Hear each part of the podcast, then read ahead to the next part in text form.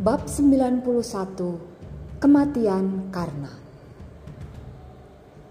Setelah Durna gugur, para senapati bala tentara Kurawa mengangkat Karna sebagai Mahasenapati.